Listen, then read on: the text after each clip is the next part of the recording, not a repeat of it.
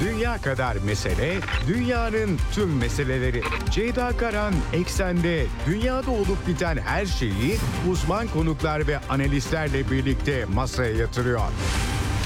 Dünyadaki meseleleri merak edenlerin programı Ceyda Karan'la Eksen hafta içi her gün saat 16'da Radyo Sputnik'te. Ceyda Karan'la Eksen başlıyor.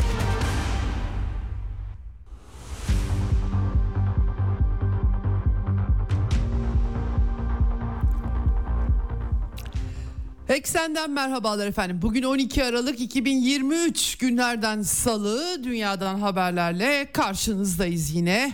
Orta Doğu'dan, Ukrayna'dan çok sayıda başlık var. İsrail-Filistin çatışması bugün 67. gününde yanlış söylemediysem eğer artık hakikaten iki ayı aştı ve ucu bucağı da gözükmüyor. Büyük bir insani dram yansıyor ve İsrail'in kararlılık ifadesi Başbakan Netanyahu'nun açıklamalarında, İsrail Savunma Bakanı'nın açıklamalarında birazdan aktaracağım size yansıyor. Ama tabii ki insani dram Amerika Birleşik Devletleri üzerinde giderek baskı yaratıyor. BM'deki tasarıyı bu konuda reddetmişti Amerikan yönetimi. Dünya çapında eleştirilerin hedefi oluyor. Ancak Amerikalıların bu eleştirileri göğüslemekte zorlanmadıkları anlaşılıyor. Anketler Amerika'da biraz daha farklı Biden yönetiminin Orta Doğu politikalarıyla ilgili tutumdan çok daha büyük hoşnutluk olmadığına tabii işaret ediyor. Aktaracağım İsrail ve Filistin arasında yeni bir insani ara müzakerelerinin başlayabileceği iddia edildi. Yani ateşkes olmadan aslında Amerika'nın ve İsrail'in arzu ettiği tarzda kısa insani aralarla 24 Kasım 1 Aralık arasında ilk ve sonuncusu olmuştu. Bu iş ne kadar gidecek Ocak ayına kadar diye Amerikalılar İsrail yönetimine söylüyorlarmış. Söylentiler bunlar, kulisler Batı medyasına yansıyanlar. Aktaracağım sizlere detayları. Tabii e, bölgesel çatışma riskleri de devam ediyor. Lübnan, e, Kızıldeniz'de bu sefer bir Norveç gemisine yönelik Yemenli Husilerin eylemi var. Bunları da e, size aktaracağım Orta Doğu cephesinden. Ukrayna'da da e, cephede haberler pek parlak değil Ukrayna için. E, özel olarak Ukrayna güçlerinin ya teslim oldukları ya da geri çekilme sürecinde oldukları birden fazla cephede Telegram kanallarına yansıyan Rusya Savunma Bakanlığı daha muhafazakar tamamen doğrulanmadan açıklama yapmıyorlar ama Telegram kanallarına pek çok bilgi de yansıyor. Aktaracağım size bugün Zelenski Amerika Birleşik Devletleri'nde Joe Biden çağırdı. Ee, Arjantin Devlet Başkanı'nın e, yemin törenine katılmıştı. Orada da bir takım krizler yaşandığı anlaşılıyor. Birazdan aktaracağım. Bugün Beyaz Saray'da kabul edilecek. Neden Biden Zelenski'yi çağırdı diye herkes tartışıyor ve açıkçası özellikle Financial Times'a yansıyan e, biraz e, kaygılı e, tarafların e, sesi oluyor son dönemde Financial Times. E, aslında Ukrayna çatışmasında e, pembe gözlüklerle bakıldığı, sahadaki gerçekliğin uymadığı, aslında propaganda yapıldığı ve propagandanın sonu var. Eğer gerçekle dayanmıyorsa tabii ki herkes bir şekilde propaganda yapar ama hakikatlerden uzak bir biçimde yaptığınız zaman bir süre sonra ortaya çıkıyor.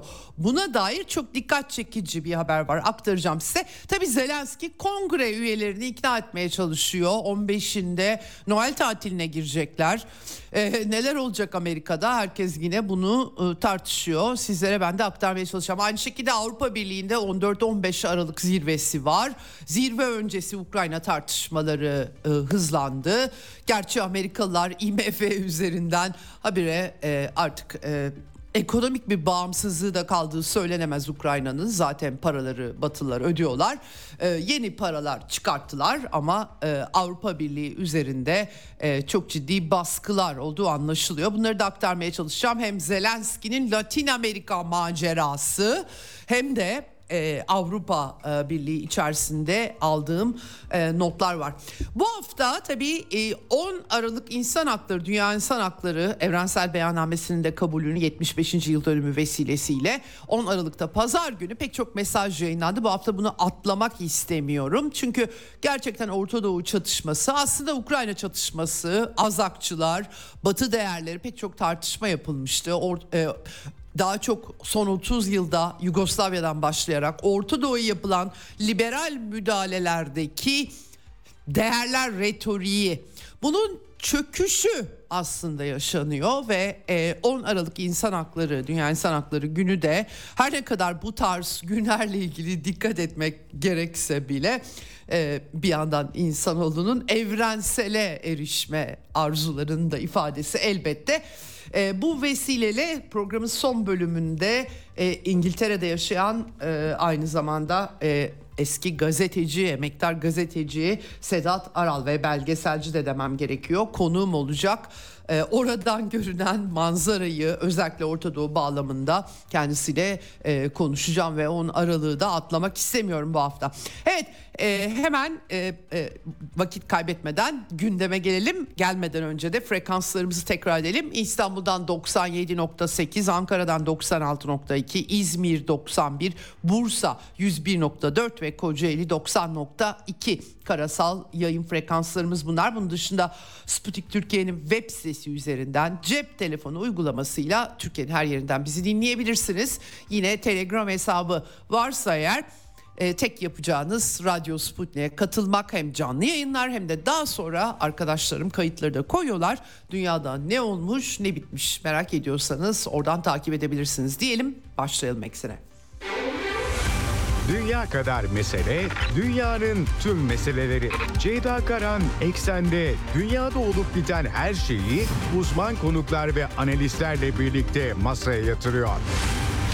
Dünyadaki meseleleri merak edenlerin programı Ceyda Karan'la Eksen hafta içi her gün saat 16'da Radyo Sputnik'te.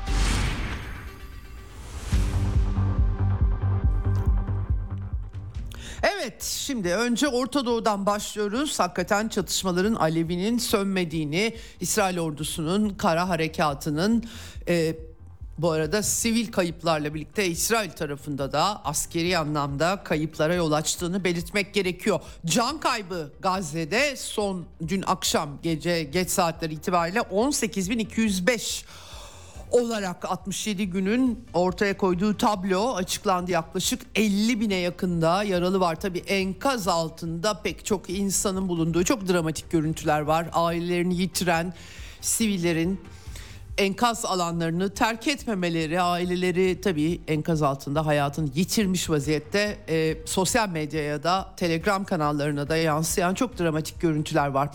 Çatışmaların hız kesmesini bütün bunlar sağlamıyor. Dün özellikle hem Gazze'nin kuzeyinde hem de İsrail ordusu aslında kara harekatının üçüncü aşamasında e, Gazze'nin güneye doğru orta kesimlerindeki Han Yunus'ta e, odaklanmış durumda.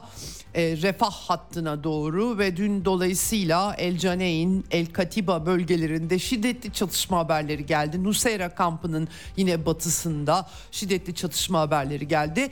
E, Han Yunus bölgesindeki operasyonun İsrail ordusu birliklerini oldukça zorladığı anlaşılıyor. E, İsrail medyasına da açıkça yansıyor olup bitenler e, savaş uçaklarının e, tabii daha az kayıp vermek için ağır bir bombardıman yapılıyor. Burada toplu cezalandırma e, buradan çıkıyor biraz da ayrım gözetmek sizin güç kullanımı eleştirileri. Ama bu Hamas üyelerinin daha sonra ortaya çıkıp İsrail e, kara birliklerini hedef almalarını pek engellemiyor. E, yaklaşık kara harekatının başından bu yana yani Ekim sonlarına doğru diyelim 17'sinden itibaren yanlış hatırlamıyorsam e, asker kaybı 101 olarak açıklanıyor ama daha fazla olabilir. Hastanelere talimat verildiği iddia ediliyor. Haaretz gazetesi e, hastanelerden bilgi yayımlanmamasını talep ettiğini İsrail ordusunun yazdığı ama bunu hastanelerin reddettiği belirtiliyor. E, yaklaşık 5 binle ifade ediliyor tedavi görülenler. E, bir şekilde engellilik e, 2000 ile ifade ediliyor. Gerçekten İsrail için çok büyük bir rakam. Ordu ise sadece 1500 diyor. Hangisi doğru bilmiyorum doğrusunu söylemek gerekirse. E, son bir açıklama yapıldı. Burada dost ateşleri de var ölenlerle ilgili. Tabii buradaki anlatı da dikkat çekici. Çünkü direniş ekseni Hamas sürekli olarak İsrail ordusuna ağır kayıplar verdirdiklerini belirtiyorlar. E, İsrail e, savunma güçleri yani İsrail ordusunun açıklamasında ise örneğin 105 e, e, en son e, sayısı verildi. Akşam dün akşam 101 deniliyordu.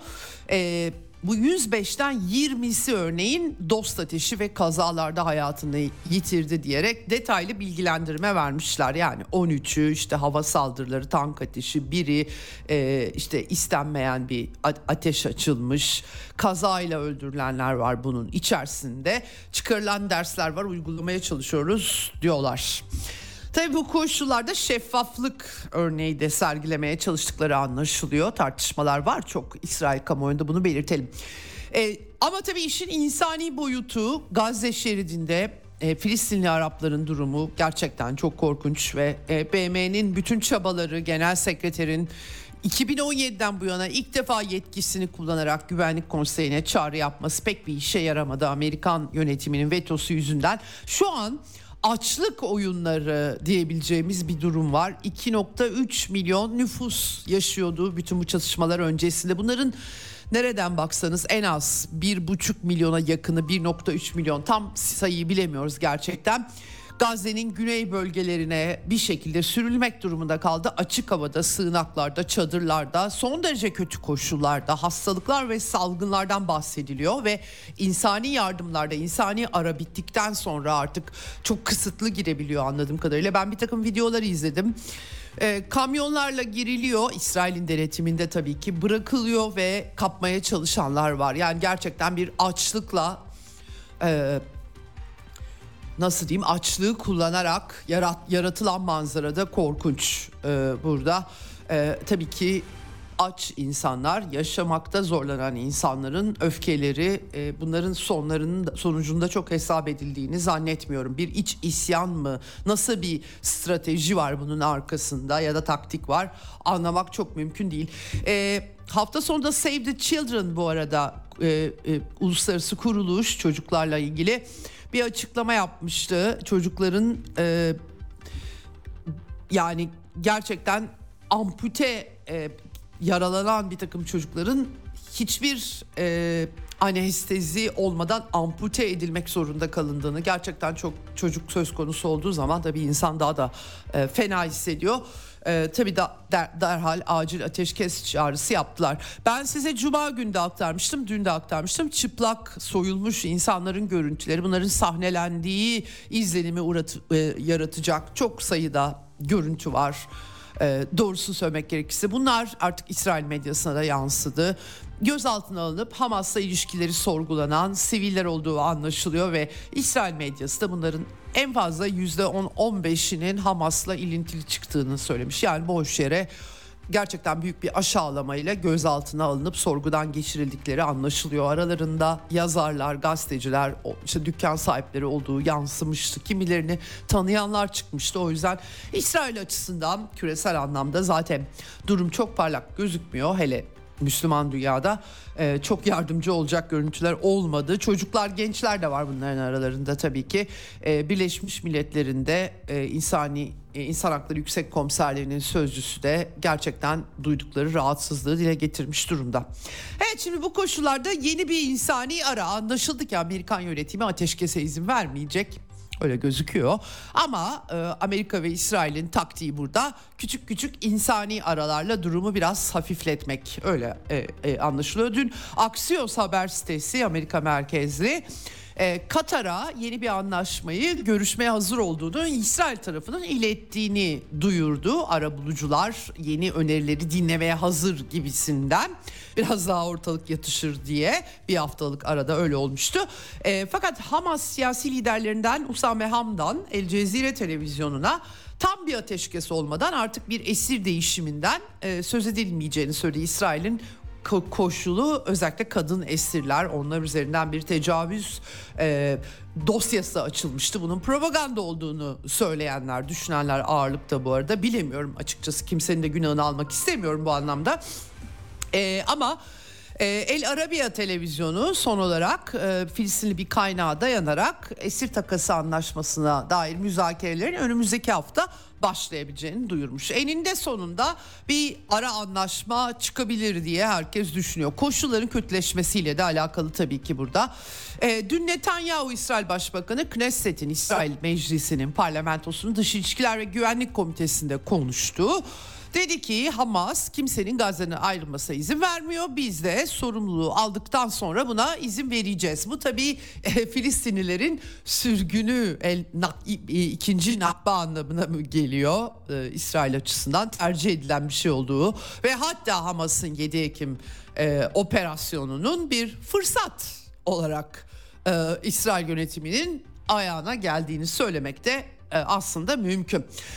E, Netanyahu savaştan sonra sivil bir yönetim kuracağız dediği ama kim kuracak kim olacak o sivil yönetim tabii o da ayrı bir soru işareti. E, çünkü şöyle cümleleri de var Netanyahu'nun Hamas'la Filistin yönetimi arasındaki farkı kendi açılarından anlatıyor. Hamas bizi şimdi hemen yok etmek istiyor. Filistin hükümeti ise aşamalı olarak yok etmek istiyor. İsrail'deki yerleştirilen algı maalesef e, bu şekilde. Ha, tabii e, e, denizden, ırmaktan denize, nehirden denize e, söylemi böyle anlaşılıyor. E, Yahudi halkının da e, sayıları Araplardan kimi zaman azalsa bile o topraklardaki e, hakkı üzerinden görülüyor ve zaman içerisinde farklı koşullarda bu hakkın pekiştiği ve kendilerinin kazandığı ve hepsine sahip olmak e, özellikle sağ siyonizmde geçerli olan bu tabii ki. Evet e, e, Filistinliler de 20. yüzyılda ulus devlet kuramamış olmakla birlikte tabii ki Siyonizmi hedef alarak ama Yahudi nüfusu da kovmayacaklarını e, da söyleyenler var. Bilemiyorum hangisi geçerli. Böyle bir çerçeve var. Netanyahu da bunu kullanıyor. E, açıkça söylediği tabii ki Gazze'deki idarenin Filistinlere devredilmeyeceği, İsrail'in güvenlikten sorumlu olacağı bu 2005'teki tek taraflı e, kopuşu tersine çevirecek bir tavır tabii ki silahsızlandırma. E, Batı e, Şeria, Şeria'da da bu arada gerginlik var. Onu nasıl kontrol altında tutacaklar bilemiyorum. Çünkü İsrail ordusunun Batı Şeria'daki operasyonları da çok büyük zarar veriyor. Çok net olarak hatta Batı'yı da çok rahatsız ediyor. Şimdi İran'la ilgili de konuştu Netanyahu. Nükleer silahlarla silahlanırlarsa uzun vadede İsrail için sorun olur dedi. Klasik söylemi. Ama e, farklı cümleleri aslında çatışma sonrası Gazze'ye dair İsrail'in Suudi Arabistan ve Birleşik Arap Emirlikleri'nden beklentilerine dair bilemiyorum bir uzlaşma var mı açıkçası ama İbrahim anlaşmalarının genişletilmesinden bahsetti ve Körfez ülkelerini kullanmayı Gazze'nin yeniden inşası için planladıklarını söyledi. Tabii ki Hamas'tan e, bu ülkelerin haz etmemesi bilemiyorum Gazze'de ne gibi planları nasıl hayata geçirecekler. bu arada tabii Suudi Arabistan ateşkes isteyenler tarafında ya da Birleşik Arap Emirlikleri tasarı da sunuyor ama öte yandan da ayrı ülkeleri oldukları mesajını eksik etmiyorlar. Bir telegram kanallarında gördüm Suudi Arabistan yeni yılı kutlamak için Rusya'dan 200 milyon tonluk kar satın alacakmış efendim. Epey pahalı Kültür Bakanı açıklamış. Tabii o orada yaşayan gençler çok karmar görmüyorlar diye zannedersem apayrı dünyalar olduğu fikrine kapılıyorsunuz tabii. Şimdi tabii e, Netanyahu'nun çizdiği bu koşullar Biden yönetimi için oldukça sıkıntılı bir resim çiziyor. Güvenlik Konseyi'nde acil e, ateşkes tasarısını insani yardımı reddetti Amerika veto etti. E, Britanya çekimser kaldı. 97 ülke BM Genel Kurulu'nda e, eş sunuculuğunu yapmıştı Birleşik Arap Emirlikleri'nin sunduğu bu tasarının. Dolayısıyla herkesin hedefinde Amerika Birleşik Devletleri var. E, Filistin e, e, Adalet Bakanı Muhammed Eşşelal de demiş ki ABD bu Gazze'de işlenen suçlarda kilit rol oynuyor. E, meşruiyet kavramını uluslararası anlamda Amerikalılar yok ettiler. Güvenlik Konseyi'nin barışı ve güvenliği koruma konusunda yetersizliğini ortaya koydular. Çifte standartlar dedi. İsrail'in işgalci güç olarak 51. maddeyi kullanamayacağını söyledi. Gazze'de tabii bir biraz daha biraz daha farklı. Uluslararası hukuk daha tabii ki kullanana göre değişiyor. Gazze'den tek taraflı çekilme var aslında İsrail tarafından bu anlamda e, ama e, abluka da var 17 yıldır bir de abluka sürüyor çekildiğiniz yeri ablukaya almış oluyorsunuz dolayısıyla Evet, epey bir tartışmalı ee, İsrail'in 51. maddesi bunu dile getirmiş. Tabii Filistinli bakan direniş hareketleri istediği zaman tüm barışçı olan ve olmayan yöntemlere başvurarak direniş gösterme hakkına sahip ve eylemleri işgal için bahane olamaz demiş. İlkesel olarak belki söylediği doğru ama pratikteki sonuçları e, maalesef öyle e, olamıyor. Evet. Ee, Rusya Dışişleri Bakanlığı da aynı şekilde Amerikan vetosunun Gazze'de yanlışlıkla kullanılmadığını bu gayet bilinçli bir biçimde kan dökülmesini e, sağlayacak, önünü açacak bir şey olduğunu dile getirmiş. Tabii Ekim ortalarından bu yana BM Güvenlik Konseyi'nde reddedilen tasarılarda hep Amerika'nın rolü var. 17'sinde Rusya tasarı sunmuştu. 18'inde Brezilya sundu. Bayağı bir dirsek temasıyla pek çok ülkeye girişimde bulundu ama Amerikan vetosunu tabii ki aşamadı e, bütün olup bitenler. E, bu arada Rusya e, Putin e, Netanyahu'yla görüşmüş. Dün aktarmıştım size. Netanyahu aramış anladığım kadarıyla. Ben dün dikkat etmemiştim ona. Ee, orada tabii ki 7 Ekim'in terör saldırısı e, olduğu vurgusunu da ihmal etmemişti Rusya Federasyonu ama tabii ki krizinde uluslararası hukuk uyarınca teskin edilmesi çözüm vurguları yer almıştı insani yardım vesaire. Özel temsilcisi e, Rusya e, liderinin Bogdanov Dışişleri Bakan Yardımcısı Mihail Bogdanov bu arada Hamas Siyasi Büro Başkanı Yardımcısı Musa Ebu Marzuk ayrıca bir takım Filistin kuruluşları Filistin Halk Kurtuluş Cephesi de var bunların içerisinde. Onlarla görüşmüş. Rusya Federasyonu askeri kanatla bir temasları olmadığını, siyasi kanatla temasları olduğunu e, altın çizerek vurguluyordu. Burada da ateşkes, rehinelerin bırakılması temaları işlenmiş. Rusya'da Orta Doğu diplomasisinde aktif rol oynamaya çalışıyor. Putin'in geçen haftaki Birleşik Arap Emirlikleri Suudi Arabistan temaslarını aktarmıştım size. Bir yandan insani yardım yeni 17 tonluk gönderiyorlar. Bir yandan Gazze'deki vatandaşlarını acil e, durum bakanlığı çıkartıyor en son 50 kişi daha tahliye etmişler. Şimdi bu koşullarda tabii herkes Amerika'ya yükleniyor. Ekonomist dergisi yıl sonuna kadar bu iş bitsin istiyor Biden yönetimi diye yazmış. Daha önce de yansımıştı hatta Ocak ayında artık Netanyahu'nun bu işi çözmesi lazım görüşü bir kesimde hakim Amerika'da öyle anlaşılıyor. Ee, Amerikan medyasında pek çok tartışma da yer alıyor tabii. New York Times en son işte İsrail Netanyahu yönetiminin Hamas'ı ayakta tutmak için ne kadar uğraştığını yazmış. Bu bilinmeyen bir şey değil. Konuyla ilgilenen herkes Hamas'ın hatta güçlenmesinde çok önceden Filistin Arafat, Yasser Arafat'a, Filistin yönetimine karşı nasıl Hamas'ın desteklendiğini ben çok iyi hatırlıyorum 2000'li yıllarda yaşasın sandıktan İslamcı bir hareket çıktı. O dönemlerde Batı'da siyasal İslamcılık çok trendiydi, çok popülerdi. Türkiye'de de aynı şekilde. E, Batılılar bizim bölgemizde e, gerekli olanın siyasal İslamcılık, demokrasi getireceğini filan e, söylüyorlardı. Hamas da bunun bir parçasıydı açıkçası hatırlamak gerekiyor. Dolayısıyla şimdi bunlar nasıl böyle yazılıp çiziliyor ben çok anlamakta güçleniyor, güçlük çekiyorum ama balık hafızalar herkes unutuyor her şeyi. Ee, New York Times gazetesi işte Hamas'a Katar finansörü o da bilinen bir şey. Bavullar dolusu paraların Hamas'a nasıl verildiği onlar da Filistinlere dağıtıyorlar bir kısım. O sayede daha da siyaseten güçleniyorlar. Te, ana temada Filistin yönetimi çok yolsuz zaten gibi bir ana tema 2000'lerden beri yürüttükleri bir tema. Ee, gerçekten e, bilemiyorum New York Times'ın haberini okuyunca hiç şaşırmadığım gibi Allah Allah niye bu haber böyle yapılıyor diye de düşündüm ama İsrail'de bu eleştiriler gündeme getiriliyor ve e, genel olarak söylem bu çatışma bitsin sonra hesaplaşacağız, bakacağız şeklinde. Hiç zannetmiyorum doğrusunu söylemek gerekirse İsrail zaten artık Amerika'nın bir başka kopyası haline geldi.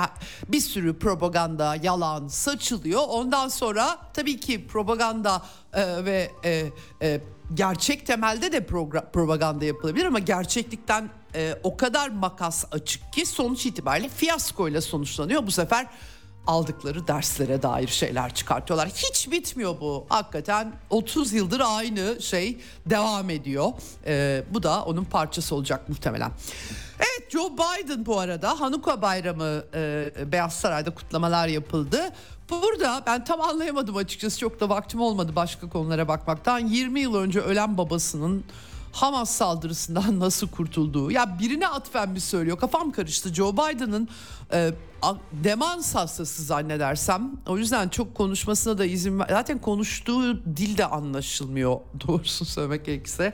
Hani tabii ki benim ana dilim değil ama o kadar da kötü dildir kulağım. Neyse sonuç itibariyle e, tuhaf açıklamalar yapmış. Yani e, e, kendisinin de Siyonist olduğunu da belirterek onu biliyoruz zaten. E, Lloyd Austin Pentagon şefi yine İsrail'e gönderilecekmiş. Tabi bolca silah tedarik ediyor Amerikan yönetimi İsrail'i ve bunun için tasarıya falan da Ukrayna'daki gibi artık gerek yok. Ee, Washington Post gazetesi fosfor bombası kullanımı daha önce aktarmıştım ben de size aslında çok bilinmeyen bir şey değil. İnsan Hakları İzleme Örgütü, Af Örgütü de bunun kanıtlarının ortaya çıktığını söylemiştir. Lübnan'da, e, Güney Lübnan'da Deira köyünde 155 milimetrelik bomba parçaları incelenmiş. Ve tabii Amerikalılar rahatsız olmuşlar. Beyaz Saray İletişim Koordinatörü John Kirby haberleri gördük endişeliyiz. Öyle şeyler söylemiş. Sorular soracağız falan demiş ama Dışişleri Sözcüsü Matthew Miller beyaz fosfor askeri amaçla kullanılabiliyor. Sivillere zararı aza indirmek için elden gelen her şeyin yapılması gerektiği doğru söylüyor. Aslına bakarsanız uluslararası planda çok da yasaklı değil e, bu e, ama siviller üzerinde etkileri de tabii ki tartışılıyor. İşte araştırıyoruz demişler. İsrail ordusunun envanterinde olduğu zaten bilinen bir şey. Evet Şimdi e, tabii bunlar biraz e, imajla alakalı öyle söyleyeyim. Çok gerçekten çok kaygılandıklarını zannetmiyorum.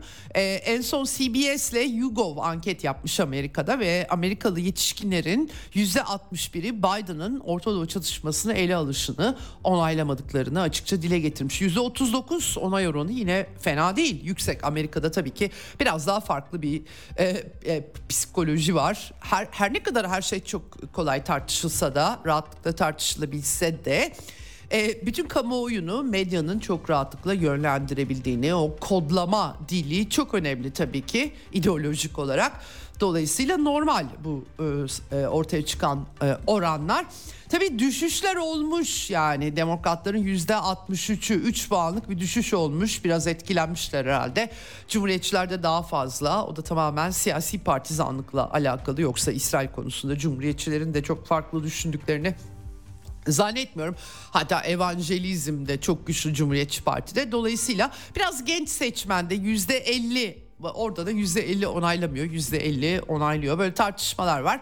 Ee, tabii bu tür bu tartışmalar Amerikan üniversitelerine doğal olarak gençlik kesimi daha hayalci, daha e, gençlik yıllarında insanlar dünyayı biz kurtaracağız. İyi de bir şey aslında böyle bir psikoloji. Maalesef yaşadıkça bu dünyayı kurtarma meselesi biraz değişiyor diyelim ya da dönüşüyor diyelim. Ee, üniversiteler dolayısıyla bütün protestoların odağında. Harvard Üniversitesi'nde yüzlerce profesör bu arada. Geçen hafta 3 üniversite önde gelen Pennsylvania Üniversitesi, Harvard ve Massachusetts e, Teknoloji Enstitüsü MIT rektörleri e, kongrede temsilciler meclisinde işte kampüslerde Yahudi düşmanlığının e, geliştiği konusunda e, sigaya çekilmişlerdi. Tabii onlar da düşünce ifade özgürlüğünü de korumaya oradaki e, hissiyat açısından dikkat etmeye çalışıyorlar. E, burada tabii e, yaklaşık 570 profesör e, Claudine Gay rektör siyasi baskılara boyun e, eğilerek görevden alınmaması için dilekçeye imza atmışlar. E, hakikaten e, büyük tartışmalar dönüyor e, Amerika'da ifade özgürlüğü üzerinden. E, bunu belirtmek gerekiyor. Ha bir de e, Orta Doğu'da İsrail saflarında e, bu da ayrı bir e, hakikaten trajik bir durum diyeceğim. E, Amerikalı paralı asker grubu var. E, 2020'de kurulmuş Forward Observations Group diyorlar buna.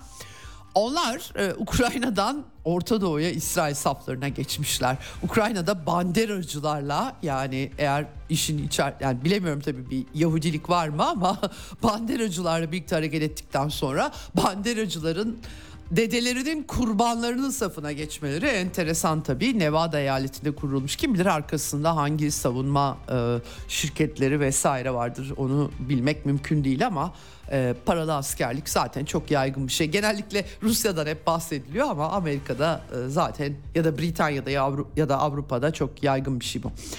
Evet. Şimdi böyle bir çerçeve var Amerika'da. İsrail ordusu ama işine devam ediyor efendim Gazze'de. E, açıklama yapıldı dün e, İsrail e, e, ordu sözcülüğünden e, ve Savunma Bakanı Yoav Galant da aynı şekilde işlerine devam ettikleri yolunda Hamas liderlerine ulaşmaya çalışıyorlar. E, Yoav Galant İsrail Savunma Bakanı Hamas'ın çöküşün eşiğinde olduğunu söyledi. Tam güçle geri döndük dedi. Son kaleleri ele geçiriyoruz dedi. Teslim olan militanlardan işte açlık çektikleri, sıkıntı çektiklerini söyledi. Kalıcı olmaya niyetimiz yok dedi. Gerçekten işte etrafını ablukada tutmak herhalde öyle anlaşılıyor. Ee, öyle ya da planlar henüz tartışılıyor diyelim. Ee, burada tabii Batı Şeria'nın barışçı kalması çok önemli dedi. Biraz Netanyahu'dan daha farklı bir söylem tutturuyor. Ordunun uluslararası hukuka uygun hareket ettiğini söyledi. Açıkçası yani gıda ürünlerinin filan yakıldığı İsrail ordu videoları var. Bunlar cezalandırılıyor mu onu da bilmiyorum doğrusunu söylemek gerekirse.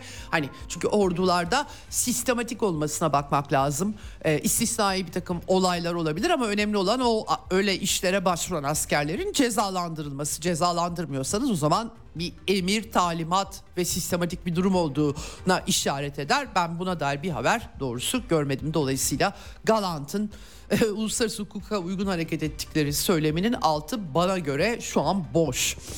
Evet e, diğer yandan da e, Hizbullah'la işlerin gerilebileceği ulusal güvenlik danışmanını dün aktarmıştım size adeta mesaj gibi bir şeydi. Yoav Galant e, sınırda Lübnan'la güvenli bölge oluşturulmasında Hizbullah'la anlaşmaya varılabileceğini söylemiş. Çatışmak istemiyoruz demeye getiriyor aslında. Bir yandan da işte Lübnan'ı uyarıyorlar demeye getiriyorlar. Ee, Benny Gantz da savaş kabinesi bakanı İsrail'in Amerikalı Dışişleri Bakanı Antony Blinken'a e, Hizbullah operasyonları arttı. İsrail vatandaşlarına yönelik tehdit arttı. Bunu ortadan kaldırmak zorunda bırakıyorlar. Dizi dedikleri iddia ediliyor.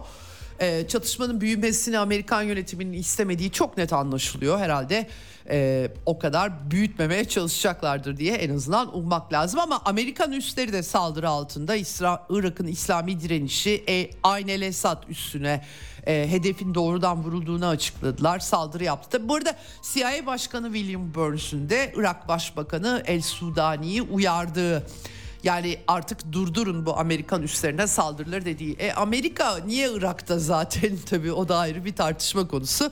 Yani Amerika hem Irak'a gidecek IŞİD koalisyonu hem de Irak Amerikan askerlerini koruyacak. Enteresan bir kurgu öyle söyleyeyim size.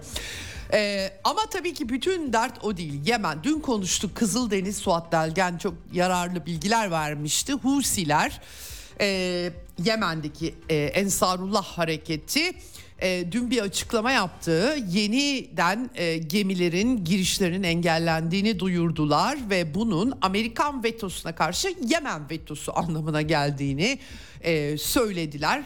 Gazze halkının acısını görüp de harekete geçmemezlik edemeyiz e, diye e, açıklaması var Yemenli sözcülerin. Norveç bayraklı Strinda isimli bir son gemi seyir füzesiyle Yemen açıklarından Babül Mendeb Boğazı'nın yaklaşık 110 kilometre kuzeyinde vurulmuş ve yangın çıkmış ne kadar büyük zarar verdi bilmiyorum. Bitkisel yağ biyoyakıt yüklü olduğu söyleniyor ve Süveyş e, kanalına giderken oluyor bunlar. Centcom da bunu doğruladı. Tabii e, bu bölge e, gerçekten giderek kriz odağı haline geliyor. Yakınlarda USS Mason destroyeri Amerika'nın bulunuyormuş. Bu bilgiler aktarıldı. Bir de İngiliz savaş gemisi olduğu söyleniyor. Şimdi nitekim İsrail'in Eylat limanı Kızıldeniz'deki limanı biraz daha kuzeyde tabii. Ee, operasyonlar durmuş efendim. Bu liman yetkilileri veriyor bu açıklamaları, bu yapıyor bu açıklamaları. Kar %85 oranında azaldı. ithalat ürünlerinin fiyatında %3'lük artış öngörüyorlarmış. 15 Kasım'dan bu yana 14 bin araç taşıyan gemilerin İsrail limanlarına ulaşmasının engellendiği çok büyük bir rakam doğrusu. Ee, bu tam olarak neyi kastettiğini içeriği çözebilmiş değilim ama e, anladığım kadarıyla Eylat'a ticari trafik epey bir bloke olmuş durumda. Evet e, tabii e, Yemenlilerden de Norveç Strinda'ya operasyon düzenlendiği doğrulandı zaten. Birkaç geminin geçişlerinin geçişinin engellendiği doğrulandı. Artık zaten Yemenliler sadece İsrail sahipli gemiler değil, İsrail limanlarına giden gemileri de geçirmeyeceğiz diyorlar. Sorun giderek katmerleniyor diyebiliriz. Evet. Avrupa'dan bugün Orta Doğu ile ilgili tabi Avrupa Birliği zirvesi 14-15 e, iki gün kaldı. Dışişleri Bakanları da buluştu.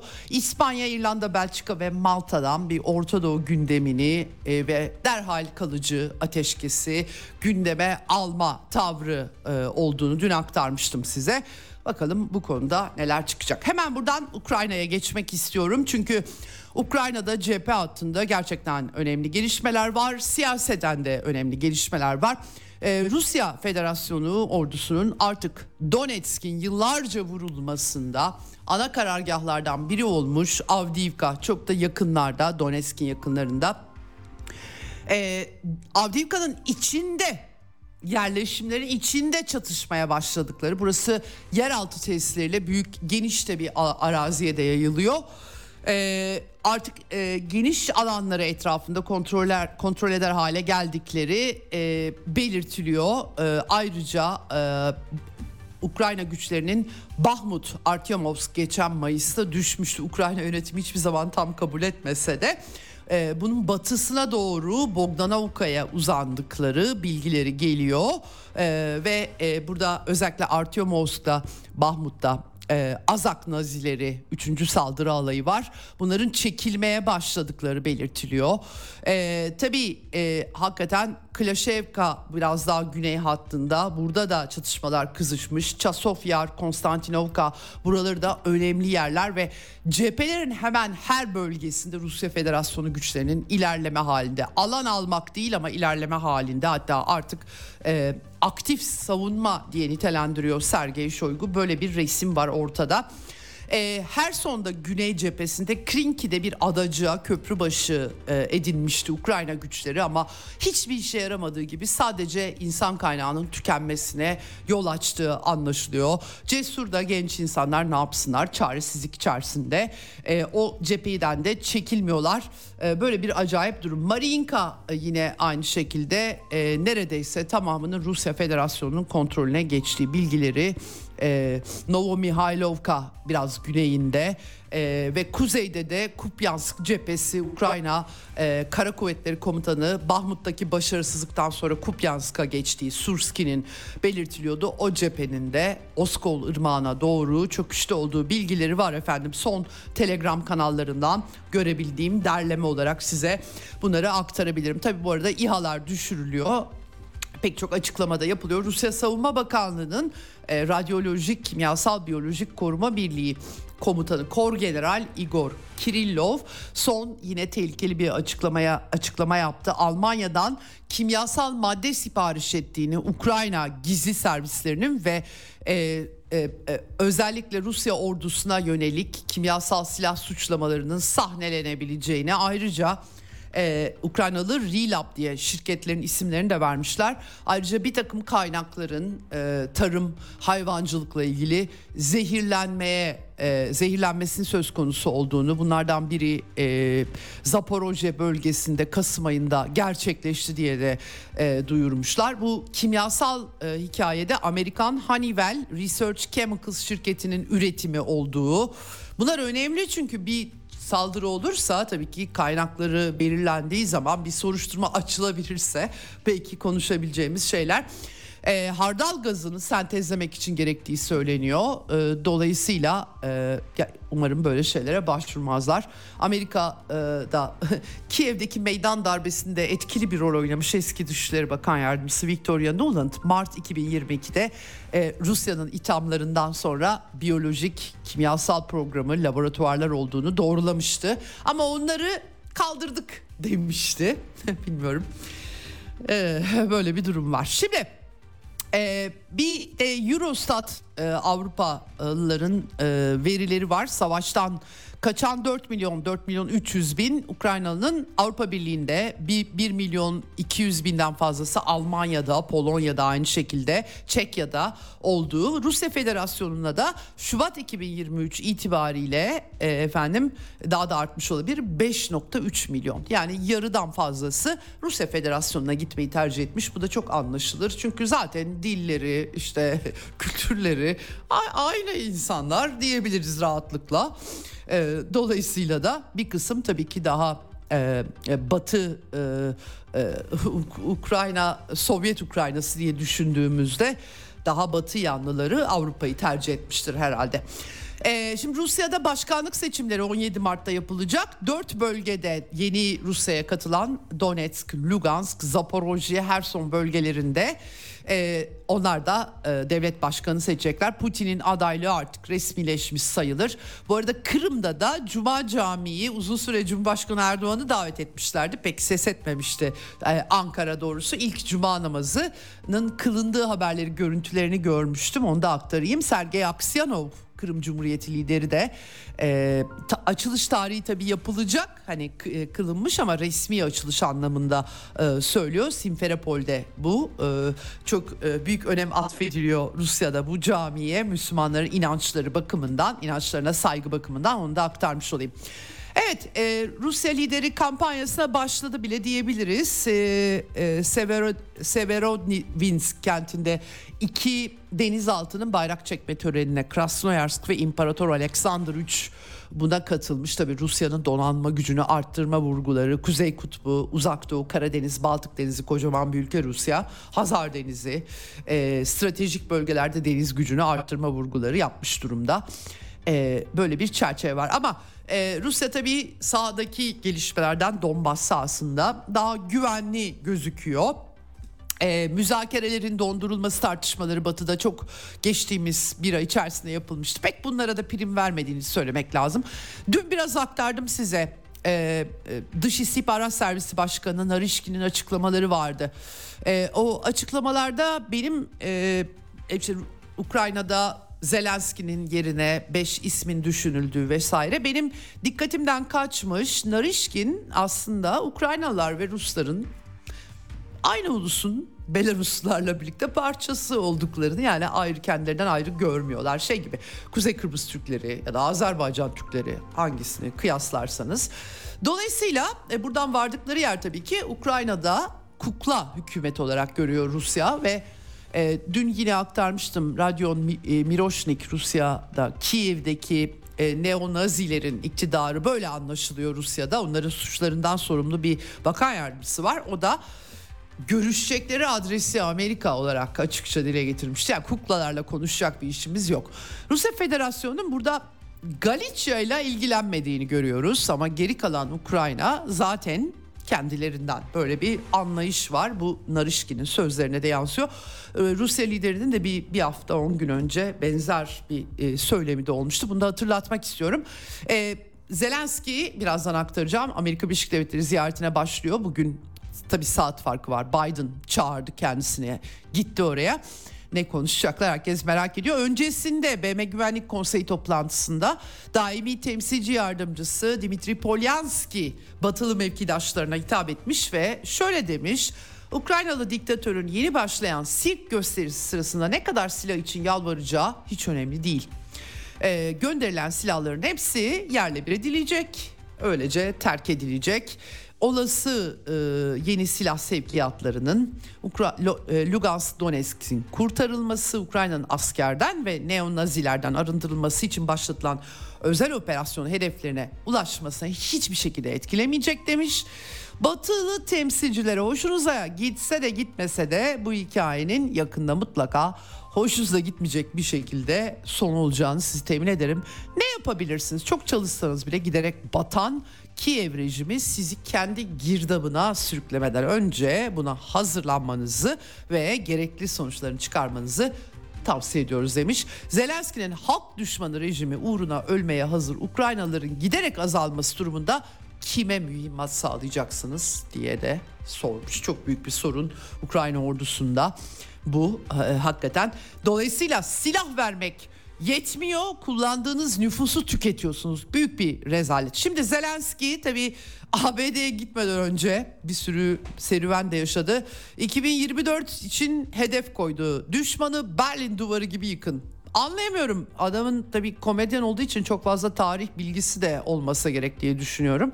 Ama Berlin duvarı gibi yıkın ne demek istiyor? Çözemedim Ukrayna sahasında.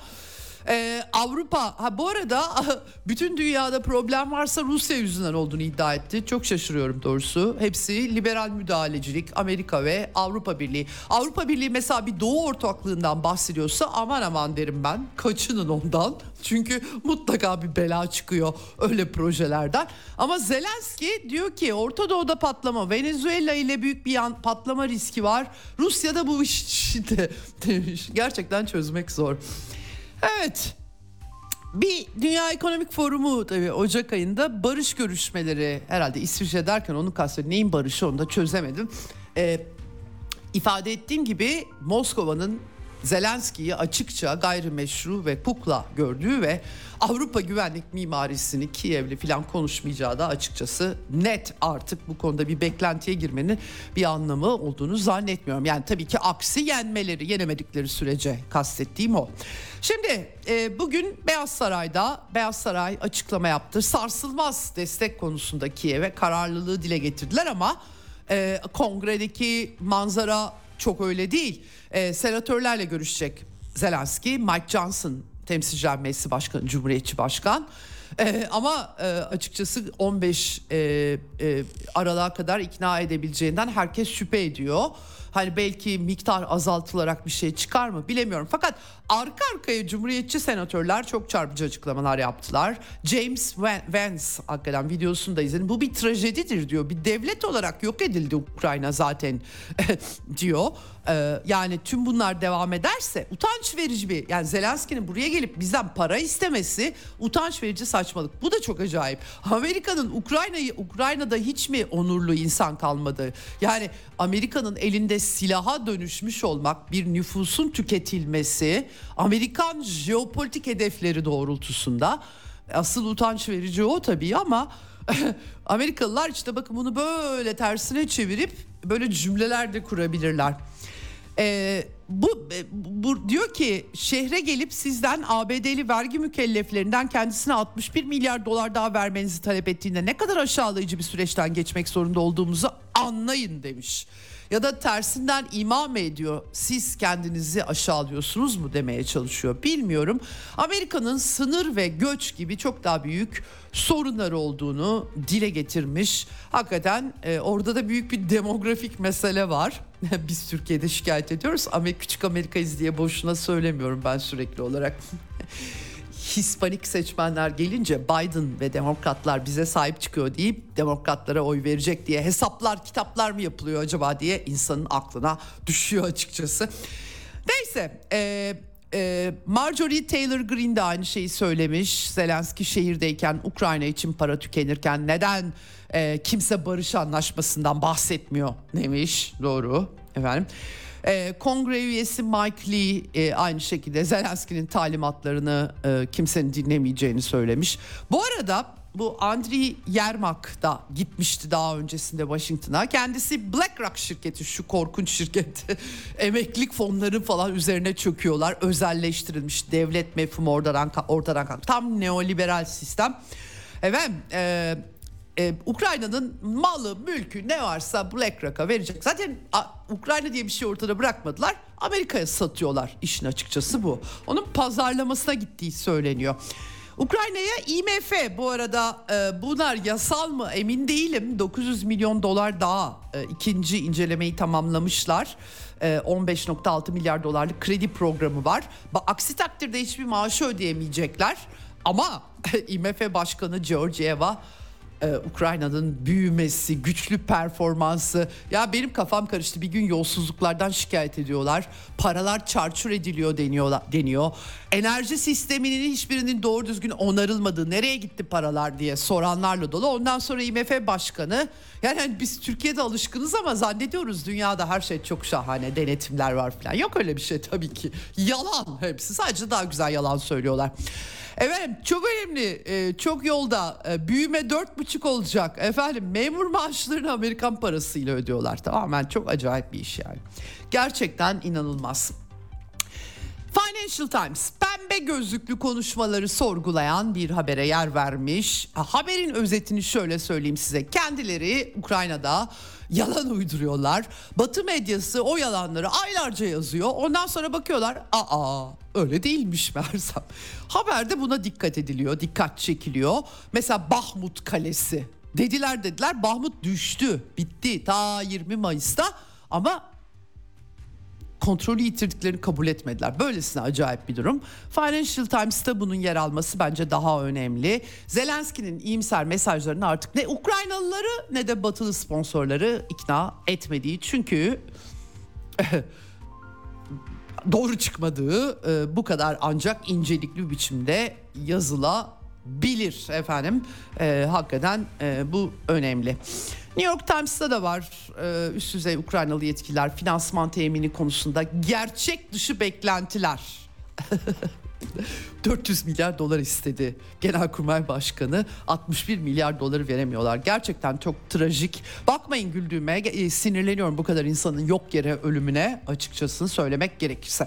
Maduro Venezuela lideri Zelenski'nin Beyaz Saray'a çağrılmasını değerlendirmiş. Tabi haklı olarak darbe yapmaya çalıştı Trump döneminden bu yana Amerikalılar Venezuela'da beceremediler. Juan Guaido'yu devlet başkanı atamaya kalkıştılar hatta. Onunla aynı şeyi e, yere koymuş Zelenski'yi ve emperyalizmi bir kukla yaratıp sonra çöpe atmışsı zaten ilk değil ki. Bakın bizim Juan var o Miami'de paraları var öyle çöp gibi atıyorlar. Emperyalizm şeytan gibidir ona hizmet edersiniz ve sonra sizi işe yaramadığınızda dışarı atar demiş. Kendisi doğru söylüyor işin doğrusunu söylemek gerekirse. Ha, Maduro'ya bütün eleştirilerim saklı olmakla birlikte bunun doğru olduğunu sayısız örneği var. Efendim Mile ile Arjantin'in yeni anarko kapitalist devlet bakanlıklarını yemin töreninden sonra hızını alamayıp galiba eğitim bakanlığı da var bunun içerisinde feshetmiş. Taliban'ın bile eğitim bakanlığı var dünyada. Böyle tuhaf bir adam. Arjantiniler valla don't cry for me e, mottosu vardı meşhur şarkıdan. Yani e, bilemiyorum Arjantin ne olacak e, ama onunla kucaklaşan Orban. Aynı neoliberal ekol aslında. E, bu törende Mile ile yeni anarko kapitalist Arjantin lideriyle kucaklaştı Zelenski ama bir de video yansıdı. Macaristan lideri Orban da yemin törenine Miley'in katılmış ve onunla tartışıyorlar. Bayağı hararetli ve tabii Avrupa Birliği üyeliğini açıkça taş koyuyor Macaristan ve söylemleri de doğrusunu söylemek gerekirse son derece geçerli söylemlerle. Kuleba e, Brüksel'de e, Macar e, mevkidaşı Peter Sjijarto ile görüşmüş.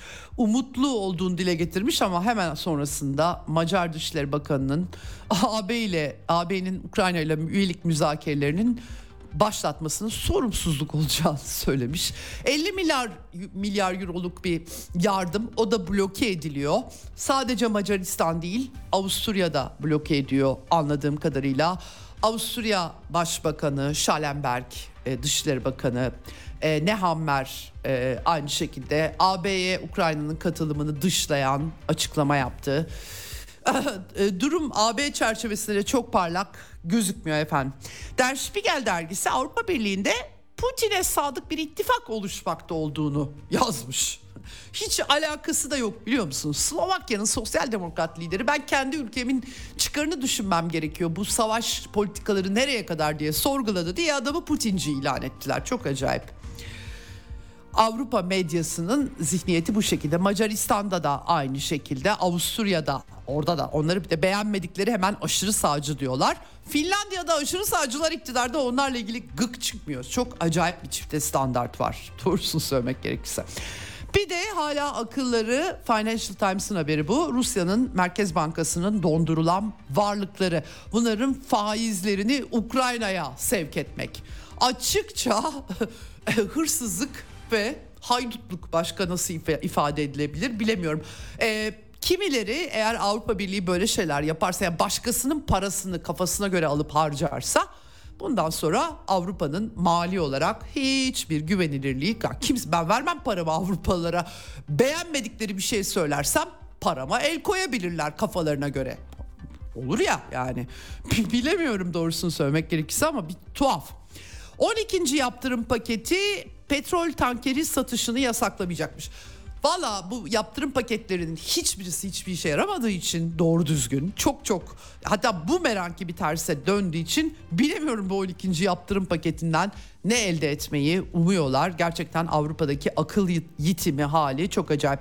Ee, bir küçük not Almanya'dan çok uluslu şirketler Volkswagen, Siemens, Brown, Rusya'yı terk etmek zorunda kalanlar mali kayıplar için efendim Almanya'dan tazminat talep ediyorlar. Çok trajik. Evet. Fakat süremi doldurmuşum. Hemen e, kısa bir tanıtım vermemiz lazım ve ardından sevgili Sedat Aral'a bağlanacağız. Bizden ayrılmayın.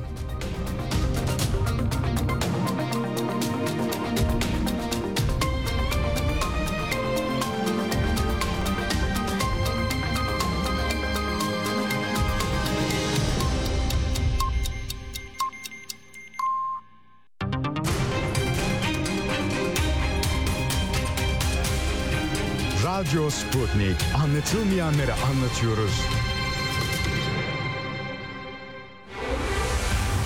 Ceyda Karan'la Eksen devam ediyor.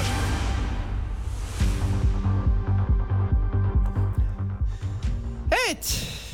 Eksen'in son bölümündeyiz. Şimdi telefon hattımızın diğer ucunda gazeteci yazar Sedat Aral var. Hoş geldiniz sevgili Sedat. Hoş bulduk Ceyda nasılsın? Çok teşekkür ediyorum katıldığın için Eksen'e. Ee, uzaklardan bağlanıyorsun, vakit ayırdın. Çok teşekkür ediyorum tekrardan e, bunun için sana. Ee, Sedat, e, şimdi tabii dünya gündemini aktarırken artık bazen bezginlik de geçiriyorum. Bir yandan çatışmalar, savaşlar, bitmeyen notlar, bitmeyen siyasi kulisler ama mecburiyetten ne olup bittiğini anlamaya çalışıyoruz doğrusunu söylemek gerekirse. Hafızamızı sürekli tazelemek zorunda kalıyoruz. Çünkü biraz taş üstüne taş koyarak bakmadıkça e, anlaşılmıyor dünya işleri. Şimdi geçtiğimiz pazar günü 10 ee, Aralık e, e, BM e, Dünya İnsan Hakları Günü Evrensel Beyanname'nin 75. yıl dönümü pek çok açıklama da yapıldı. Bir tabii böyle insanlığın bir evrensele ulaşma arzusu her zaman var. Eşitlik ilkesi, tam eşitlik olmasa da fırsat eşitliği vesaire. Ama hani Afrika'daki bir insanın, Gazze'deki bir insanın, Avrupa'daki bir insanın eşit e, insanlar oldukları algısı hepimizde doğal olarak insani olarak var. Fakat bu pek mümkün olmuyor. Güzel özlü sözler benim bu aktarmaya çalıştığım kimi zaman aktarırken kendim şoke oluyorum. Devam ediyorum şoke olmaya nasıl oluyorsa bunca yıldan sonra devam ediyor. Ee, o kadar acayip bir Avrupa görünümü oluştu ki e, özellikle Orta Doğu'dan sonra bu yeni miydi diye e, sana sorarak başlamak istiyorum o yüzden hafıza tazelemek açısından. Şimdi Türkiye'de çünkü böyle Avrupa'ya bakınca demokrasi, insan hakları, değerler, e, cicili bicili ne varsa hukukun üstünlüğü, denetim mekanizmaları, kimsenin yolsuzluk yapmaması, yapamaması, kurallar öyle şeyler algılanıyor. Doğru mu algılanıyor, algılıyoruz? Önce bunu sorayım. E, e, e, bunu sorarak başlayayım sana. Ya şimdi şöyle Avrupa e, çok enteresan. Yani e, denizleri açıldıktan sonra emperyalizmi bilgiyle yapmaya başlıyor. Bilgi bir süre sonra manipülasyon aracı haline gelmeye başlıyor. Ve biz bunu e, ilk büyük e, yani kendi bölgelerinden çıkıp bir yerleri işgal veya talan etme hareketi olarak aslında Haçlı Seferlerinde görüyoruz. Hı hı. Haçlı Seferlerinin mantığı e, bir papa çıkıyor diyor ki e, İsa'yı kafirlerin elinden kurtarmamız gerekiyor. Ama aynı konuşmada Kudüs'ün kubbelerin altın olduğu, altın bir şehir olduğunu anlatıyor. Yani altından kubbeleri olan bir şehir olduğunu anlatıyor. Yani yağmaya gidiyorlar aslında. Şimdi e, bundan 1000 1100 yıl önce Avrupa İsa'yı ve Hristiyanlığı kurtarmak için İsa'nın akrabalarını ve Hristiyanları öldürüyordu. O bölgeye gidip. Şimdi e, kölecilik dönemine geliyoruz. 1500'lere, 1600'lere geliyoruz. Biliyorsunuz değil mi? Köleciliğin tabanını aslında zavallı insanlara Hristiyanlığı öğretmek için yapılıyordu. Evet. Evet. Yani e, Afrika'nın yarı nüfusu e, pamuk ve şeker kamışı tarlalarında telef edildi. Ve bunu yapma neden gerekçeleri de İsa'yı ve Hristiyanlığı onlara anlatmaktı. Şimdi gelelim e, Birinci Dünya Savaşı'nda da tabi adını koyamadıkları hala adını koyamıyorlar. Kuzenler Savaşı diyorlar burada. Ve kısa sürede biter diye bir kaynak savaşına girmişlerdi. Sonradan işte uzun sürdü. Fazla uzun sürece sürünce de dünyanın dengeleri bozulmaya başladı. Sonra İkinci Dünya Savaşı başladı. İkinci Dünya Savaşı'nda e, kaybeden Avrupalılar kazanan Avrupalılardan haklarını almaya çalışıyorlardı. Onların meselesiydi ama yine dünyayı yay, yaydılar bunu. Yani Çin'den Afrika'ya kadar herkes öldü o savaşta. Ee, yeni dönemde bir şey bulamadıkları için yani e, sistemlerini sürdürecek yeni sömürge anlayışını bulamadıkları için a dediler şahane biz insan hakları ve demokrasiyi öne sürelim. Bildirgeler yayınlandı. Fakat bakıyoruz ki Avustralya'nın aborjinlere e, ilişkin yasaları 1972'de değişiyor. E, ben, yani Hollanda'nın ve Belçika'nın Kongo'da yaptıklarının bitim tarihi 1979. Kara Afrika'yı biliyoruz değil mi? Yani apartheid rejimini, Güney evet. Afrika rejimini biliyoruz. Ee, insanların ayrı otobüslerde seyahat ettiği, renklerine göre ayrıldıkları ve bu rejimin yıllarca Batı tarafından desteklenip eninde sonunda bitirildiği tarih 1994. Hepimiz bunu tanıyız. Yani gitmiş olanlarımız var o dönemde oraya. Şimdi evet. insan hakları insan hakları ne kadar evrensel? Bence insan hakları yeni e, bir e, araç haline gelmeye başladı. Başka toplumlara saldırmak için bir araç ol, olmaya başladı. Çünkü Avrupa ve Amerika bunun nimetlerini çok iyi gördüler. Yani Bakın Irak'a demokrasi götürüldü Ceylan Hanım. Irak'a demokrasi götürüldüğünde evet. iki milyon insan öldü. Suriye'ye demokrasi götürüyorlardı. Bir milyon insanın 160 bin kişinin kafası kesildi o savaşta. Hortlatılan örgütler vardı. Şimdi insan hakları ne kadar evrenseldir ne kadar değildir diye Sukarno'nun e, Birleşmiş Milletler Konseyi'nde bir konuşması var. Endonezya eski devlet başkanının. Başkanından evet. İnsan hakları evrensel değildir der. Ve bence insan hakları evrensel değildir. Her toplumun, her zamanın, her e, halkın kendine göre insan hakları değerleri vardır. Ve bu insan hakları değerlerini aslında toplumlar eğer yalnız bırakılırlarsa kendi kendilerine zaten buluyorlar. Ama Avrupa bu işin içerisine girdiği zaman kan dökülen yerler haline geliyor. Yani bugün Gazze'ye baktığınızda e, özgür Gazze diyemeyen, Gazze'yi özgürleştiremeyen, İsrail'i 1967 anlaşmasına geriden sokamayan dünya özgür Kürdistan diye bağırabiliyor.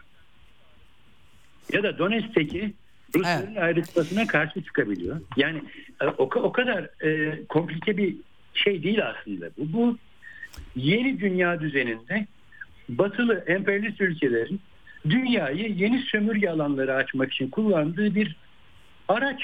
Sadece araç. Demokrasi ve insan hakları bundan öteye gidemedi. Evet. Ama çift, çifte standartlar artık biraz fazla göze e, batıyor sanki. Yani ya şimdi Donetsk Donbas dosyasını ben 20-30 senedir biliyorum. Çok az insan belki biliyor. Hadi Gazze Filistin meselesi tabii ki özellikle bizim coğrafyada herkese mal olmuş bir şey. E, bugüne kadar yalnız e, şöyle bir fark e, sizce de geçerli mi sevgili Sedat? E, geçmişte bunlar daha kolay e, pazarlanıyordu ama artık e, biraz e, e, sözünü ettiğiniz şey biraz zorlaştı gibi sanki. Ne dersiniz? E tabi zorlaştı çünkü e, dünyada insanlar da bu işe uyanmaya başladı. Yani Güney Amerika hmm. uyandı. E, Güneydoğu'daki, Güneydoğu Asya'daki toplumlar uyandılar bu işe. Yani çok enteresan bazı ülkelerin kararları var Batılılar üzerine. Mesela Vietnam'ın orada kalım süreleri bilmem ne falan üzerine bayağı ciddi önlemleri var Batılıların kalması üzerine. Keza Hmm, bir de hmm. absürt rejimler de oluşmaya başladı bu e, sorunlardan dolayı. Nitekim İran ortada. İran'ın tam olarak rejiminin ne olduğu anlaşılmış değil. Ve bu aslında batıya tepki olarak ortaya çıkmış rejimler bunlar. Afrika'da niceleri oluşmaya başladı. E, Türkiye'de insanların batıya aldığı tutumun çok e, aslında farkındayız. Aynı şekilde yani Bulgaristan'a gidin, Romanya'ya gidin ya da Macaristan'a gidin. Batıya aldıkları tutumu izleyebiliyorsunuz insanların.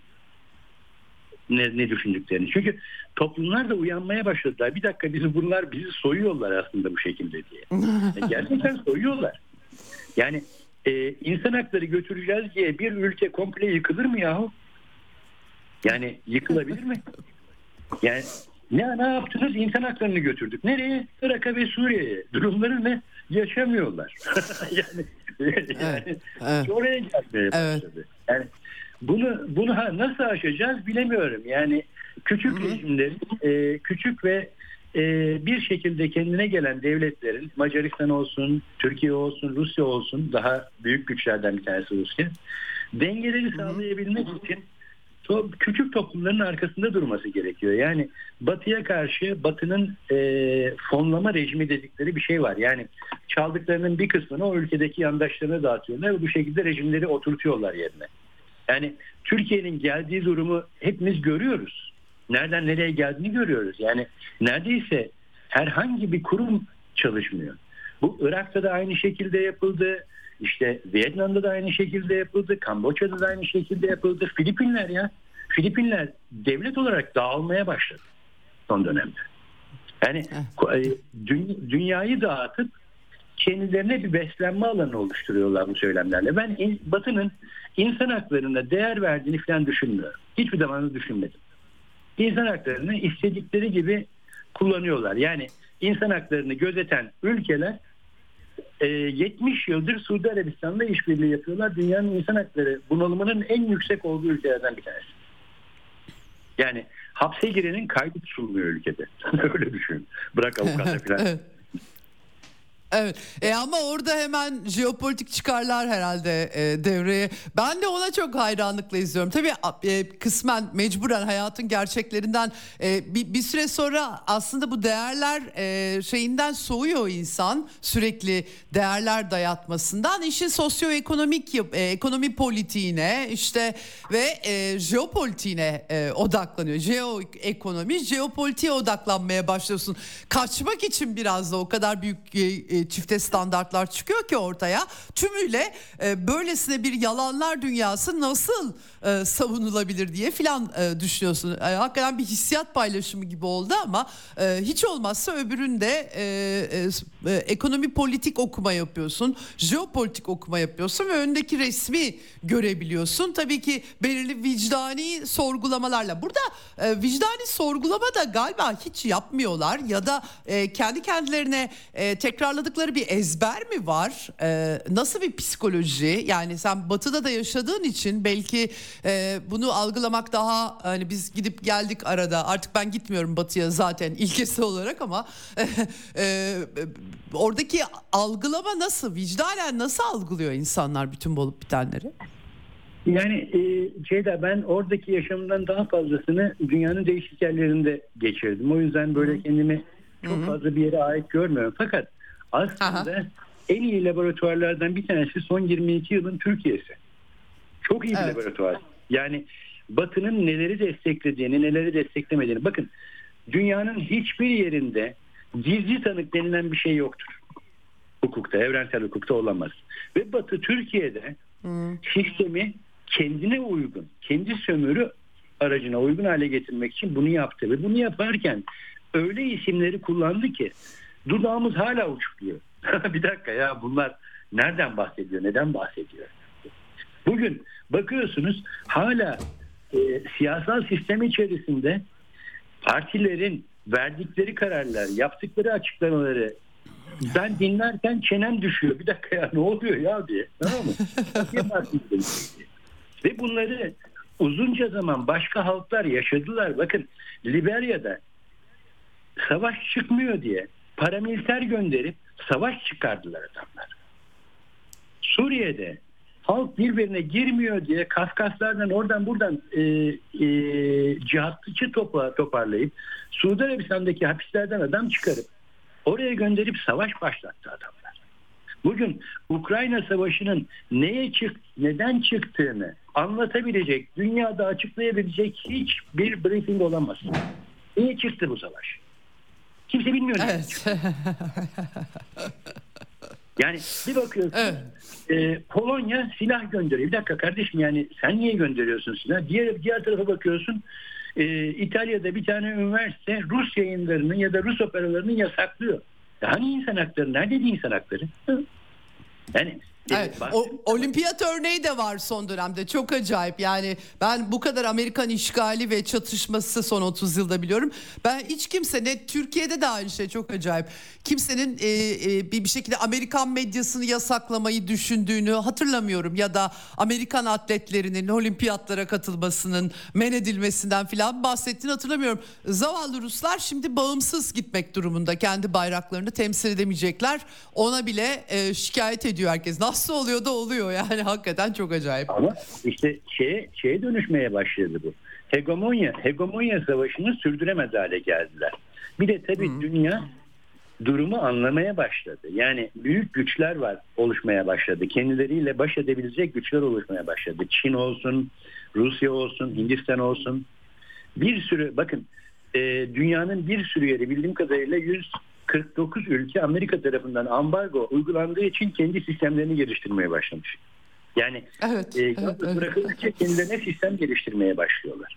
Yani e, bakın eğer politik politik bilimle uğraşan insanlar olmuş olsa Türkiye'de özellikle mesela HDP HDP'nin dayattığı dil özgürlüğü aynı şey Afganistan'da yaşandı ve Afganistan'da şu anda Herat'taki adam Mezar-ı Şerif'teki adamı anlamıyor. Parlamento oluşturulamıyor. Kandahar'daki adam Talikan'daki adamı anlamıyor. Şimdi e, Türkiye'ye dayatılan şeyin ne kadar korkunç bir şey olduğunu düşünebiliyor musunuz? Yani bölgesel farklılıkların, bölgesel dillerin halbuki kendilerinde öyle bir değişiklik yapmıyor. İngiliz, İngiltere'de resmi dil İngilizce. Halbuki evet. niye, niye Hastings'te de bir sürü Galli vardır. Onlara da ders lazım olabilir değil mi? Kelçe dersleri. Onlara da ders. Evet.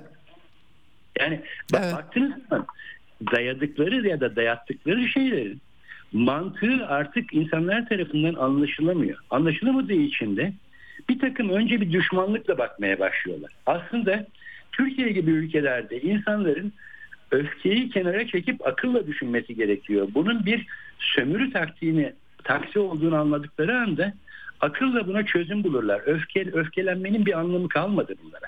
Çünkü bunlar sömürgen. Yani son bin yıldır dünyayı sömürerek yaşıyorlar. Bu şekilde yaşadılar. Yani e, Vikingler e, ticaret yapmıyordu, talan ediyordu. Bugün Viking zihniyeti her neyse 21. yüzyıl Avrupa'sında zihniyeti o gidiyor bir yerlerde koloni oluşturuyor. Vermiyorsan zorla alıyor. Yani bugün e, Saddam Hüseyin'in ben gazeteciliğe başladığımda e, ilk başladığım yıllarda Saddam Hüseyin'in e, danış, askeri danışmanlarından, askeri ve politik danışmanlarından bir tanesi Donald Rumsfeld'ti.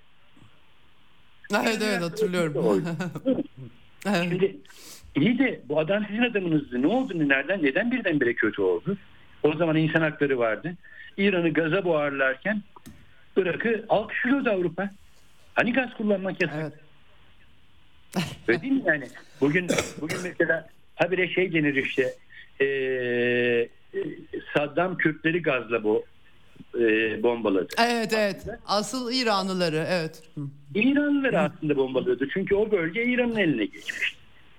Kimsenin sesi çıkmaz evet. buna. Yani baktığın zaman bunların insan haklarıyla eğer bir işi olmuş olsaydı dünyada 100 yıldır barış içinde yaşıyordu. Bütün dünya barış içinde yaşıyor olurdu. Ya çıkan savaşlara baksana yani hiçbirinin bir de yani bizden daha kötü durumda olanlar var. Afrika falan var. Yani İngiltere mesela yabancıları Ruanda'ya göndermek istiyor. İnsan hakları ile ilgili orada kamp. Evet, evet. Ruanda'da 30 yıl önce etnik bir çatışma var. Ve 1 milyon insan öldü. Niye oraya gönderecek? Başka bir yer mi bulamıyor? Avustralya'ya göndermiyor. Niye Avustralya'ya göndermiyor? Kocaman bir kıta değil mi yani yetebilir. Çünkü Anglo-Saksonlar Roma'dan aldıkları en önemli şeylerden bir tanesi yönetim biçimidir. Faşizmi aldılar yönetim biçimi olarak. Ve onu hala sürdürüyorlar. Kendi içlerinde kullanması gerektiğinde kullanıyorlar ama asıl dışarıya doğru baskılayarak bunu kullanabiliyorlar. Yani aslında bildiğimiz anlamda faşizm, Roma faşizmi hala aslında Avrupa'da yaşıyor. Bunu kabul etmeden böyle kalkıp da e, insan hakları günü vallahi kutlayalım. Aa ne kadar güzel. Evet kutlayalım insan hakları günü de bu arada Gazze'de bir sürü insan ölüyor. Kimse umuru için çok fazla umurunda değil. Yani evet, Amerika elini evet. saldırıyor ve bütün e, her şeyi veto edebiliyor. Yani şeyi düşünebiliyor musun? İnsan haklarını savunan bir kesimin savaş sürmeli diye açıklama yapabildiği bir dünya olabilir mi? Yani bunun bunun evet. izahı yok. İşte Doğu toplumlarının artık öfkelerini bir kenara bırakıp akılla düşünmesi gerektiğini anlamaya başladı. E ve, ve de bence Rusya bunlardan bir tanesi. Rusya daha akıllı düşünmeye başladı. Diğer ha, ülkeler hala çok öfkeli gidiyorlar ve tam olarak nerede durduklarını da bilemiyorlar. Yani Orta Doğu bunlardan bir tanesi. Mesela Hamas sonucun bu şekilde olacağını bilmiyor muydu? Biliyordu. Onlar da biliyordu. Evet. Evet. Evet maalesef. Maalesef. Yani herkes kendini bu e, şeye mesela işte e, savaş suçları mahkemesi. Onlar isterse çalışıyor, istemezse çalışmıyor. Yani o çok acayip yani Ukrayna Donbas'ta çatışma alanından çocuklar kurtarılıyor. İsteyen gidip çocuğunu alabiliyor ama dava açılıyor. Ya ben e, gerçekten hani bu kadar e, UCM'nin e, kendi kendilerinin ayağına da e, kurşun e, sıktılar bu süreçte. O da çok acayip. Bu kadar da akılsız ve irrasyoneller bu arada. Enteresan. Herhalde çifte standartlarını kimse önemsemeyecek diye düşünüyorlar. Başka türlü çünkü e, normal e, anlamak mümkün değil doğrusunu söylemek gerekirse. Ama çok, şeyden, çok acayip. Çok, çok acıttılar bir, bir sürü insan, e, bir sürü topluluğu çok fazla acıttılar. Evet. Çok ya, canlar, evet. Canların, canlarının yakmadıkları toplum kalmadı. Yani Güneydoğu Asya'da Çin denizinden tut e, Güney Amerika'ya kadar bir sürü toplumun çok fazla canını yaktılar. Bunu evet. sıradan bir batılı artık görmeye başladı. Asıl önemlisi de bu acıyı yaşayan insanlar görmeye başladı. Yani mesela bir takım liderler gelmeye başladı. Ee, Güney Amerika'da olsun, işte Asya'da olsun. Bu liderler dikkat edersen tepkiyle geliyor. Batı tepkisiyle başa gelmeye başladılar.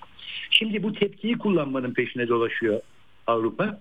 Onu da yapamıyor. Çünkü dokunduğu, bahsettiği her şey zedelenmeye başlıyor toplum içerisinde.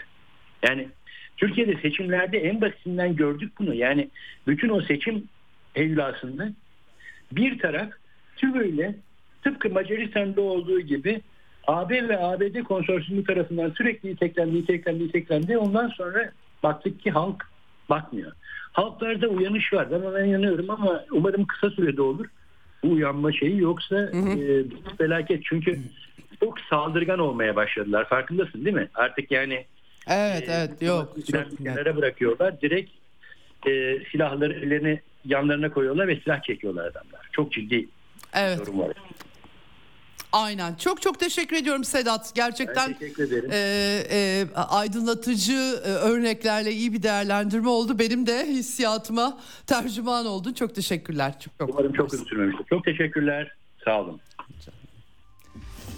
Evet gazeteci Sedat Aral yıllarca dünya dört bir yanında dolaştı. Ben onun kadar çok yeri görmesem bile ben de epey bir Orta Doğu, e, Avrupa, Rusya bir parça kısmen biliyorum. Ee, Gidiyorsunuz, görüyorsunuz, anlamaya çalışıyorsunuz. Tabii ki e, bir takım kriterleriniz var ama e, dokunduğunuz toplumları küçümsememek, aşağılamamak, onlar üzerinde hegemonya nasıl tesis ederim, nasıl bir tek ben karlı çıkarım filan böyle fikirlerle yaklaşmamak e, temel insani vasıflara sahip olmak gerekiyor. Bir de aşağılık kompleksi. E, Sedat'la onu çok konuşamadık ama bizim gibi toplumlarda korkunç bir aşağılık kompleksi ortaya çıkartıyorlar, yaratıyorlar tarihsel süreç içerisinde. Belki de en başta mücadele edilmesi gereken şey O aşağılık kompleksi oradan iyi şeyler çıkmıyor, hoş şeyler çıkmıyor e, diye düşünüyorum. Tabii ki pek çok sıkıntı var. E, hiçbir şey şahane değil ama e, özenti olmamak, hakiki olmak e, belki de böyle başlayabiliriz işe.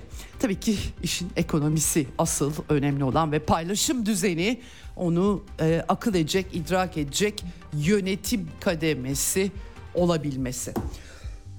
Bugünlük bu kadar.